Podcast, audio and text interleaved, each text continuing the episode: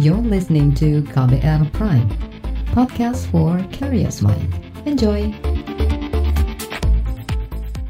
apa pun teknologi yang dipakai, lalu pendekatan apa pun dan bidang apa pun yang uh, dihadapi gitu ya masalahnya, sebetulnya pada saat sebuah kota punya kapasitas untuk memecahkan masalah dan menyelesaikan masalah tersebut, menurut kami kota itu smart.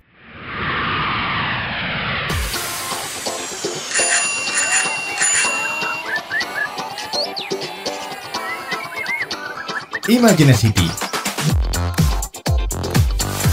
Imajinasi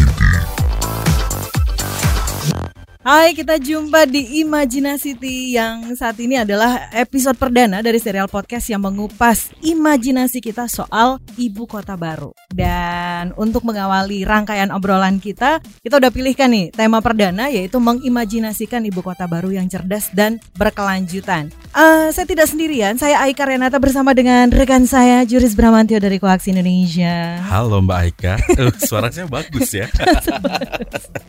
eh, ini kan kita seru ya. Imajinasi ini akan terdiri dari lima topik utama dengan total 10 episode yang ingin mengajak kita semua, nggak cuma kita berdua, Betul. tentunya berimajinasi soal ibu kota. Seperti apa sih yang kita impikan kalau misalnya rencana pemerintah kita udah tahu juga nih soal kepindahan ibu kota, Mm-mm. nantinya terrealisasi seperti apa gitu. Nah, lewat podcast ini kami ingin memantik imajinasi publik khususnya generasi milenial, gimana sih seharusnya wajah ibu kota kita yang baru? Betul. Terutama kayak masalah-masalah Jakarta nih kan, Mm-mm. macet lah, banjir, polusi, padat. Nah, gimana sih caranya supaya nggak terjadi di ibu kota yang baru, tapi bisa jadi nantinya kota yang smart, green, beautiful, Yes, like you. sustainable.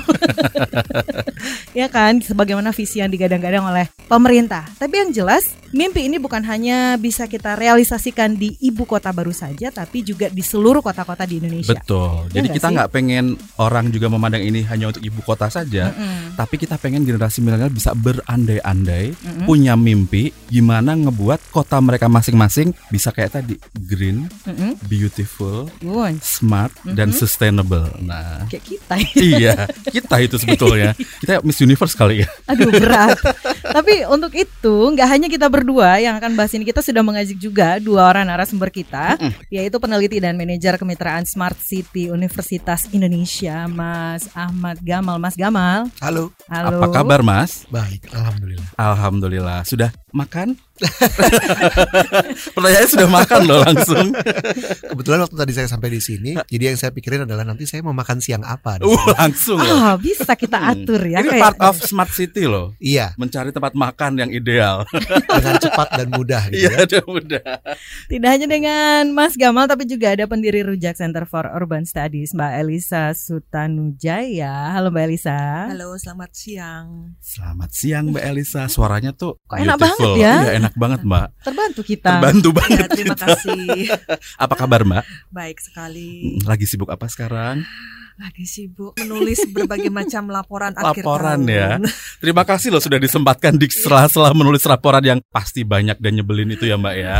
Oke deh, langsung aja nih. Mm-mm. Sebelum ke ibu kota yang baru, imajinasi kita soal ibu kota yang baru, mungkin masing-masing baik eh, Mas Gamal juga Mbak Elisa gitu bisa diceritakan dikit barangkali, gambarkan sedikit eh, lembaga masing-masing nih. Sekarang fokusnya ngapain aja, atau mungkin lagi ada project atau riset yang sedang dilakukan saat ini? Siapa duluan nih? Siapa duluan nih? Monggo Mbak Hmm. Elisa. Oh ya, jadi saya dari Rujak Center for Urban Studies. Mhm. Jadi kami menyebut diri Think Act Tank. Oke. Eh, jadi kami meneliti dan juga melakukan hasil penelitian kami dan isu yang kami eh, selama ini bergerak adalah soal isu perkotaan Mm-mm. yang cukup beragam. Tapi ada setidaknya ada tiga tiga isu fokus utama kami saat ini yaitu hak atas hunian layak, lalu informal ekonomi, dan yang ketiga itu sebenarnya soal mobilitas dan pencemaran udara. Dan di mana salah satunya organisasi kami juga turut mendukung yang apa upaya litigasi terhadap pencemaran udara Jakarta. Pencemaran udara ya. Kalau boleh tahu Mbak, kenapa sih namanya rujak? Menarik loh. Eh, ada dua alasan. Ah, ah. Satu alasan pertama supaya orang tanya. Oke. Saya wakilin ya teman-teman. Kedua, ini sekaligus memberikan apa informasi uh, bahwa masing-masing kota itu unik, sehat, beragam, favorit semua orang kayak rujak. Jadi Oke. tiap rujak itu kan ada kota masing-masing punya rujak sendiri gitu yang khas, yang isinya selalu beragam ada yang buah, sayur dan nggak pernah sama. Iya, kan. betul. Tergantung siapa yang buat. Nah ini Iya. inspirasi kenapa kami menamakan diri kita sebagai rujak. Ternyata filosofis sekali loh Iya. rujak loh. Iya. Menarik ya. Nanti kita gali lebih lanjut soal rujak-rujaknya ya. Iya. Tapi mungkin kita ke Mas Gamal dulu. Mungkin bisa diceritain Mas, lagi sibuk apa nih dan organisasi apa? Eh, jadi selain saya ngajar di UI, Hmm. saya juga mengelola eh, pusat penelitian yang relatif baru ya. Hmm. umurnya baru sekitar tiga tahun dari tahun Oke. 2016. Eh, namanya Smart City. Smart City itu sebetulnya singkatan ya jadi, eh, dari Scientific Modeling Application Research and Training for City Centered eh, Innovation and Technology. Jadi seperti namanya sebetulnya kami melakukan empat hal. Mm-mm. Pasti ngelakuin pelatihan buat researcher yang relatif baru gitu. Lalu kemudian kami mensupport para peneliti dengan memberi funding Mm-mm. dan juga memfasilitasi penelitian. Nah, yang menarik sebenarnya yang dua terakhir ya. Jadi, kami melakukan modeling dan application. Jadi, kami mendorong para peneliti kami untuk eh, menciptakan prototipe, lalu kemudian mengaplikasikannya di pemda-pemda yang bekerja sama dengan kami. gitu. Jadi, prototipe sebenarnya bisa ada dua, ada prototipe teknologi dan prototipe inovasi. Kalau saya bilang Hmm. prototipe teknologi maksudnya ya misalnya software atau misalnya barangkali ada eh, hardware yang Mhm. barangkali mereka eh, ciptakan dan kemudian bisa eh, dipakai di skala kota gitu ya. Kalau inovasi kita cenderung bicara tentang misalnya prototipe tata kelola gitu, studi-studi yang kalau misalnya diterapkan di pemerintah daerah itu bisa mempercepat bisnis proses mereka gitu. Hmm. Kira-kira gitu. Mas Gamal ini kan berarti peneliti ya, dosen dan peneliti ya. Betul. Oke, kalau secara peneliti gitu ya, ngelihat kondisi kota di Indonesia sekarang tuh seperti apa sebetulnya? Maunya jawaban yang praktis, pragmatis, eh, realistis atau yang optimis gitu. Semuanya. Semuanya ya, tapi Semuanya. kalau semuanya tappingnya sampai besok. Eh, Indonesia tuh menarik karena tidak seperti misalnya negara maju seperti Amerika Serikat gitu ya, kotanya nggak terlalu banyak. oke. Kotanya misalnya kota besar di Indonesia itu hanya 7 atau 8 gitu. Oh. Sementara kalau kita ke Amerika Serikat, kota besarnya mungkin ada sekitar 50, tapi urban areasnya gitu ya, Mm-mm. daerah perkotaannya mungkin ada sekitar 300-an gitu. Wow. Nah, kalau kita ke Indonesia, kotanya nggak banyak, tapi daerah perkotaannya sebetulnya banyak yang ada di wilayah abu-abu Hmm. gitu. Jadi kalau misalnya saya ke Pekalongan gitu, Pekalongan itu kota dengan populasi 250 ribu orang, Mm-mm. tapi kalau saya bandingin dengan daerah 250 ribu orang di Amerika, sebenarnya Pekalongan itu jauh lebih rame, jauh lebih kompleks, jauh lebih Hmm. eh, ruwet masalahnya gitu ya Ruwet ya. ruwet masalahnya gitu. Karena memang di Indonesia yang kita kenal itu para ahli perkotaan sering bilang daerahnya seperti desa kota gitu. Jadi Hmm. dia memang punya hibriditas antara desa bukan tapi kota juga bukan. Daerahnya banyak yang eh, sifatnya lebih pertanian gitu ya, tapi juga banyak wilayah-wilayah pertanian itu yang sebetulnya gaya hidupnya dan Hmm. permasalahannya sudah mendekati eh, permasalahan yang kita hadapi di kota-kota besar di Indonesia. Hmm. Kalau menurut Mbak Elisa sendiri wajah kota-kota di Indonesia sekarang ini kayak apa Mbak? Apakah kayak wajah saya atau wajah Mbak Aika? Sayangnya eh, wajah perkotaan di Indonesia ini kayak seperti mengarah ke satu tujuan Mm-mm. atau satu masa depan yang Mm. dia pikir adalah masa depan yang baik yaitu dia berusaha meniru kayak Jakarta yang lakukan apa yang dilakukan. Jakarta. Jadi misalnya sesederhana waktu itu mulai ada fenomena bikin ruko Mm-mm. di Jakarta yang daerah-daerah lain merasa perlu ruko gitu Oke. dengan eh, kota-kota lain merasa perlu ruko jadi yang paling miris itu waktu saya ke Manado di Manado kan berbatasan langsung dengan laut Ya. dan dia eh, membangun ruko yang membelakangi laut jadi Hah? kita nggak bisa lihat laut lagi gitu nah itu banyak terjadi di nggak cuma Manado gitu hanya salah satu gitu dan saya melihat bahwa pendulum terhadap Jakarta itu yang harus dikurangi dan dan mereka tidak menyadari ada potensi ada ada rujaknya masing-masing di kotanya itu yang yang sebenarnya bisa dikembangkan eh, lebih lanjut menjadi ciri khas mereka masing-masing. Berat juga berarti jadi Jakarta ya, karena harus jadi role model loh. Role model yang salah saya sebenarnya. saya mau ke Mas, mau ke Mas eh, Gamal. Tadi kan bilangnya pusat penelitian namanya Smart City ya. Betul. Sebetulnya Smart City itu kayak apa sih Mas? Apakah yang IQ-nya tinggi atau Eh, eh, susah banget sebetulnya mendefinisikan smart city ya karena istilah itu dipakai oleh banyak orang dan sebagian besar orang juga memaknainya dengan cara yang berbeda. Kalau kita lihat eh, studi literatur sekalipun gitu ya yang dibilang smart city itu ada dua trajektori besar gitu. Hmm. Kalau kita baca literatur dari Eropa, sebagian besar mereka menulis tentang smart city sebagai pendekatan yang komprehensif tentang kota yang bagus itu seperti apa. Jadi Hmm. kalau orang eh, dari Eropa biasanya nggak membedakan antara smart city dengan green city atau beautiful city atau sustainable city. Jadi kalau misalnya kita ngomong sama akademisi dari Eropa, pada saat kota itu green, beautiful, sustainable dan eh, sekian banyak adjektif yang bagus-bagus gitu ya, ya itu dibilang smart gitu. Oke. Tapi kalau kita ngomong sama eh, akademisi dari Amerika yang basisnya teknologi ya, Mm-mm. umumnya yang disebut dengan smart city adalah kota yang punya kapasitas penggunaan data dan penggunaan IT dengan cukup baik gitu, dengan cukup Hmm. tinggi gitu. Jadi kalau kami sendiri dari UI sebenarnya memaknai smart city dengan eh, sangat berbeda ya. Kami nggak ambil kedua approach tersebut Mm-mm. bukan karena itu salah tapi karena kami berusaha secara konseptual memahami smart city sebagai kapasitas memutuskan masalah dengan eh, baik. Jadi apa pun teknologi yang dipakai, lalu pendekatan apa pun dan bidang apa pun yang eh, dihadapi gitu ya masalahnya, sebetulnya pada saat sebuah kota punya kapasitas untuk memecahkan masalah dan menyelesaikan masalah tersebut menurut kami kota itu smart gitu. Hmm. Lalu Teknologi kalau- adalah Hmm. salah satu salah satu- pendukung untuk dia Hmm, bisa punya pendukung. kapasitas eh, menyelesaikan masalah. Podcast Imaginacity dipersembahkan oleh Yayasan Indonesia Cerah bekerja sama dengan Koaksi Indonesia dan 350 Indonesia. Apa yang diharapkan Presiden Republik Indonesia Joko Widodo akan perpindahan ibu kota negara? Kita simak penuturan Presiden Joko Widodo berikut ini. kita akan bahas lagi mengenai persiapan pemindahan ibu kota. Pertama, saya ingin mengingatkan bahwa perpindahan ibu kota ini jangan dilihat sekedar sebagai perpindahan kantor pemerintahan, bukan sekedar pindah lokasi, tetapi kita ingin ada sebuah transformasi, pindah cara kerja, pindah budaya kerja, pindah sistem kerja, dan juga ada perpindahan, pindah basis ekonomi. Sehingga saya sampaikan kemarin juga bahwa sebelum kita pindah, sistemnya sudah terinstall dengan baik. Podcast Imaginacity dipersembahkan oleh Yayasan Indonesia Cerah bekerja sama dengan Koaksi Indonesia dan 350 Indonesia.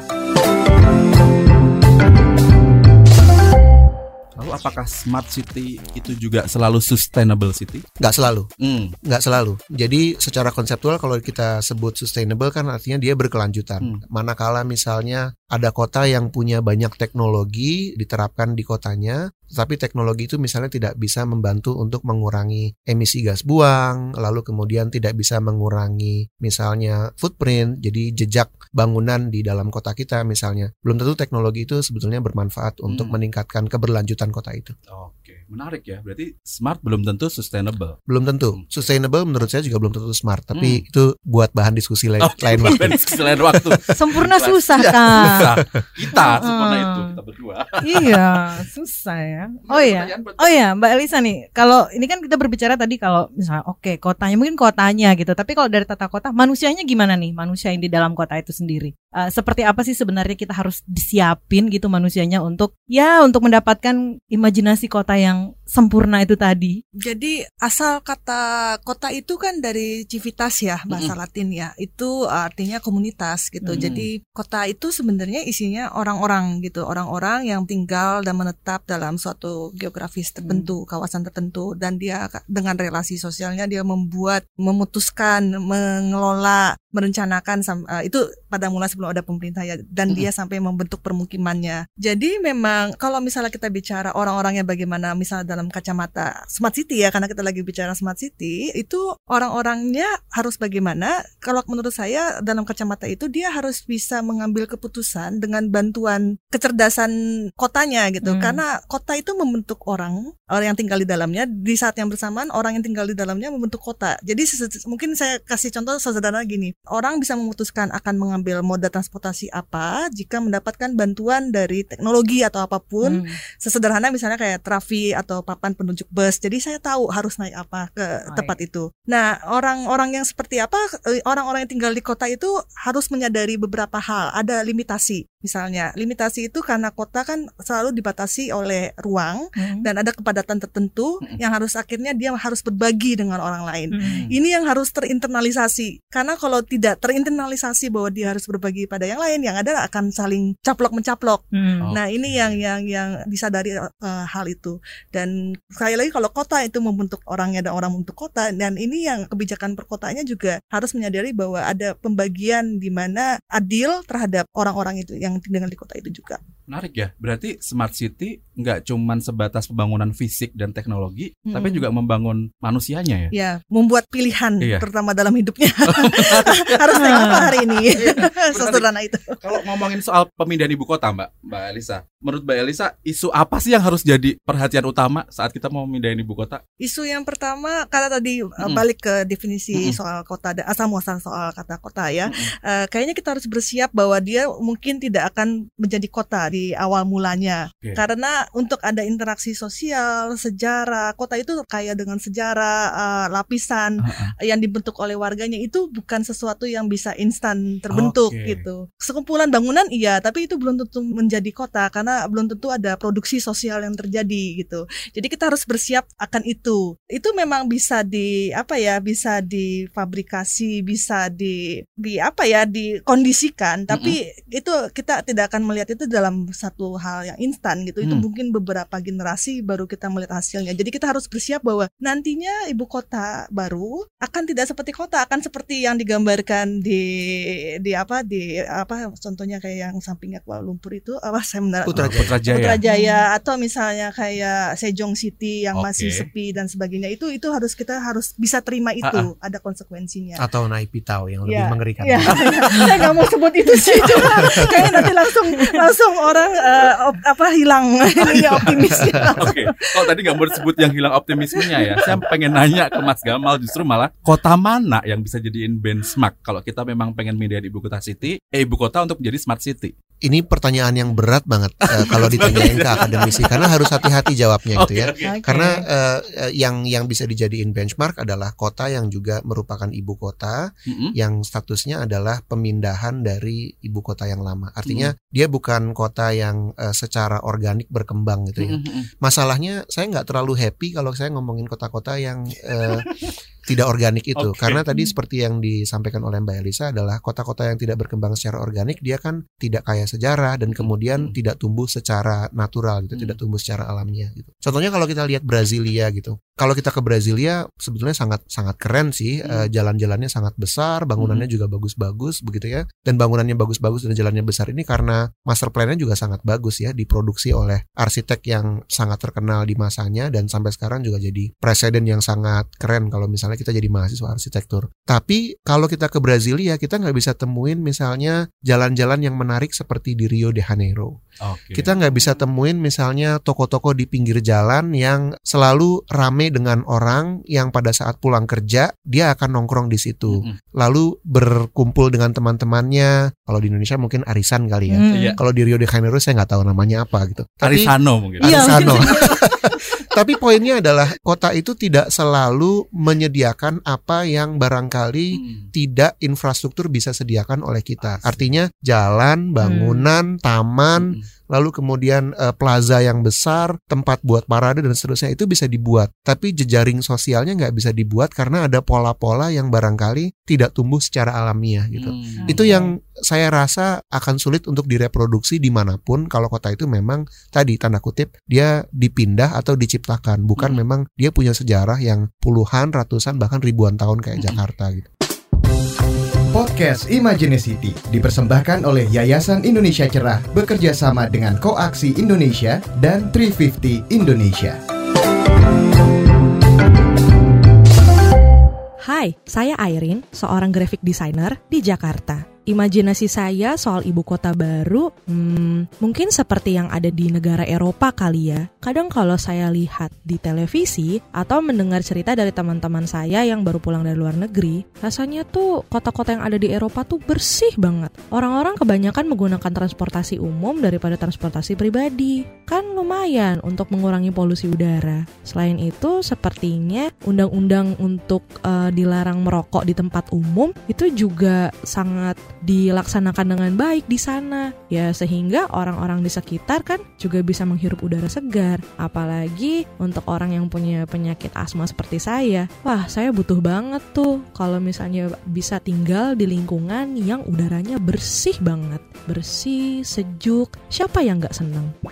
Saya Dani, seorang karyawan swasta di Jakarta. Imajinasi saya soal ibu kota baru adalah saya kepengen nanti kalau misalnya ibu kota baru itu ada yang namanya hutan kota kayak di Tokyo mungkin. Jadi ketika kita capek, ketika kita butuh refreshing ngelihat yang hijau-hijau mungkin kita bisa pergi ke hutan kota. Itu yang pertama. Lalu enggak ada lagi yang pakai mobil pribadi atau kendaraan pribadi. Kalaupun ada bentuknya adalah pakai sepeda. Karena kemarin-kemarin kan bilangnya pindah ibu kota itu menghindari banjir, menghindari polusi. Nah, sekarang saatnya menurut saya uh, mewujudkan hal tersebut di ibu kota baru gitu. Terus udah kayak gitu, kepengennya sih bentuknya blok-blok gitu, kayak di New York. Jadi penomorannya lebih mudah, jalan-jalannya lebih mudah diakses. Kan kalau sekarang kayaknya agak jelimet gitu ya, ganggang atau kayak gimana gitu. Tapi kalau misalnya per blok-blok gitu menurutku akan lebih mudah.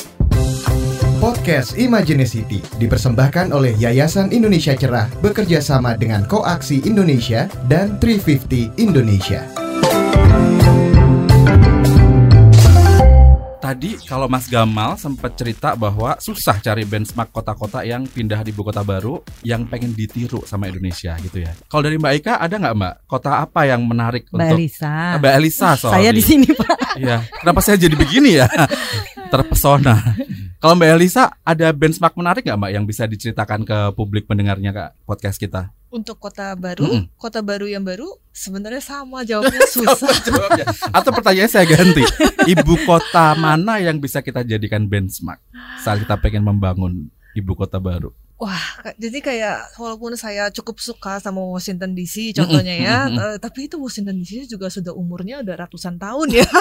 Hmm, lama ya, dan itu Washington DC jadi menarik juga karena ada selain itu dia top down, walaupun ada top downnya, tapi ada upaya kolektif Mm. dari masyarakat yang di sana, yang kebanyakan African American ya, eh, populasi terbesarnya, Eh, dan ada selalu ada ketegangan antara pusat dan lokal ini yang akhirnya membuat itu menarik gitu. Nah ini ini karena ketiadaan interaksi itu, saya rasa sulit direproduksi gitu di ibu kota yang baru kalau mau secara instan gitu. Ya memang yang membuat kota itu menarik selalu karena sosialnya itu aspek sosialnya. Aspek sosial tuh sering kita lupain ya. Iya. Jadi Sayang dikira ya. membangun fisik fisik fisik saja gitu ya. Nah, kalau, Tapi dia bisa di-generate sebetulnya. nah caranya Eh, gimana? Contohnya gini, kalau kotanya mungkin saya nggak bisa bilang kotanya bagus atau menarik, tapi salah satu kota yang selalu berupaya mereinvent dirinya adalah Barcelona. Barcelona. oke. Eh, Barcelona nggak particularly beautiful gitu ya, Mm-mm. bukan bukan sangat cantik kotanya seperti halnya misalnya kalau kita ngomongin Paris gitu. Mm-mm. Tapi Barcelona selalu misalnya berupaya untuk melakukan pendekatan ke warganya, Mm-mm. nanya warganya butuh apa, Oh, dan oke. lalu kemudian apa sih yang kira-kira masih perlu disediakan. Saya kemarin karena kita lagi bikin podcast gitu ya, Mm-mm. kebetulan saya dapat substansi dari teman kemarin mengenai bagaimana Barcelona melakukan penelitian khusus hanya kepada penduduk wanita dan Hmm. nanya gimana sih pengalaman wanita di kota. Ternyata pengalaman wanita itu jauh berbeda dengan pengalaman kita yang laki-laki. Oh, oke. Karena Saya nggak tahu Mbak Aika sama Mas Juris sama Mbak Elisa tuh ngerasain atau enggak. Kalau perempuan tuh pasti ngerasain. Kalau saya ke mall misalnya ya, saya udah selesai ke toilet, istri saya belum selesai ke toilet. Hmm. Dan alasannya bukan karena istri saya berlama-lama di toilet, tapi karena dia harus ngantri. Artinya eh, selalu fasilitas yang disediakan buat laki-laki lebih banyak dibandingkan dengan fasilitas yang disediakan buat perempuan. Nah, pengalaman di mall itu bisa direplikasi di mana aja. Kalau kita nanya Hmm. pengalaman perempuan, Hmm. bagaimana mereka merasa aman, bagaimana mereka merasa terpenuhi kebutuhannya, dan banyak hal lain gitu ya. Ternyata masih banyak eh, yang mereka rasakan kurang. Pengalaman pada saat mereka menggunakan kendaraan umum dan seterusnya dan Hmm, seterusnya. hmm, Jadi kalau misalnya kita mau mencontoh kota-kota yang bagus, kita harus berani untuk selalu mereinvent kota itu harusnya seperti apa. Artinya perencanaan kota itu bukan sesuatu yang selesai, Mhm. tetapi sesuatu yang terus-menerus harus dilakukan, harus difikirkan kembali, harus ditanya kembali apakah perencanaan kota ini udah berhasil dan eh, bekerja baik buat warganya. Oke. Oke, baiklah. Menarik banget ya. Dah kita lanjut lagi ya. Kita akan berimajinasi lagi eh, di Imajinasity di episode berikutnya. Ya, Baiklah, kalau begitu saya Aika Renata pamit. Saya Juris Bramantio. Dah. Bye bye. Terima kasih telah mendengarkan podcast Imajinasity. Masukan dan saran Anda dapat disampaikan melalui podcast at kbrprime.id. Simak episode berikut. Mengimajinasikan ibu kota baru yang cerdas dan berkelanjutan. Bagian 2.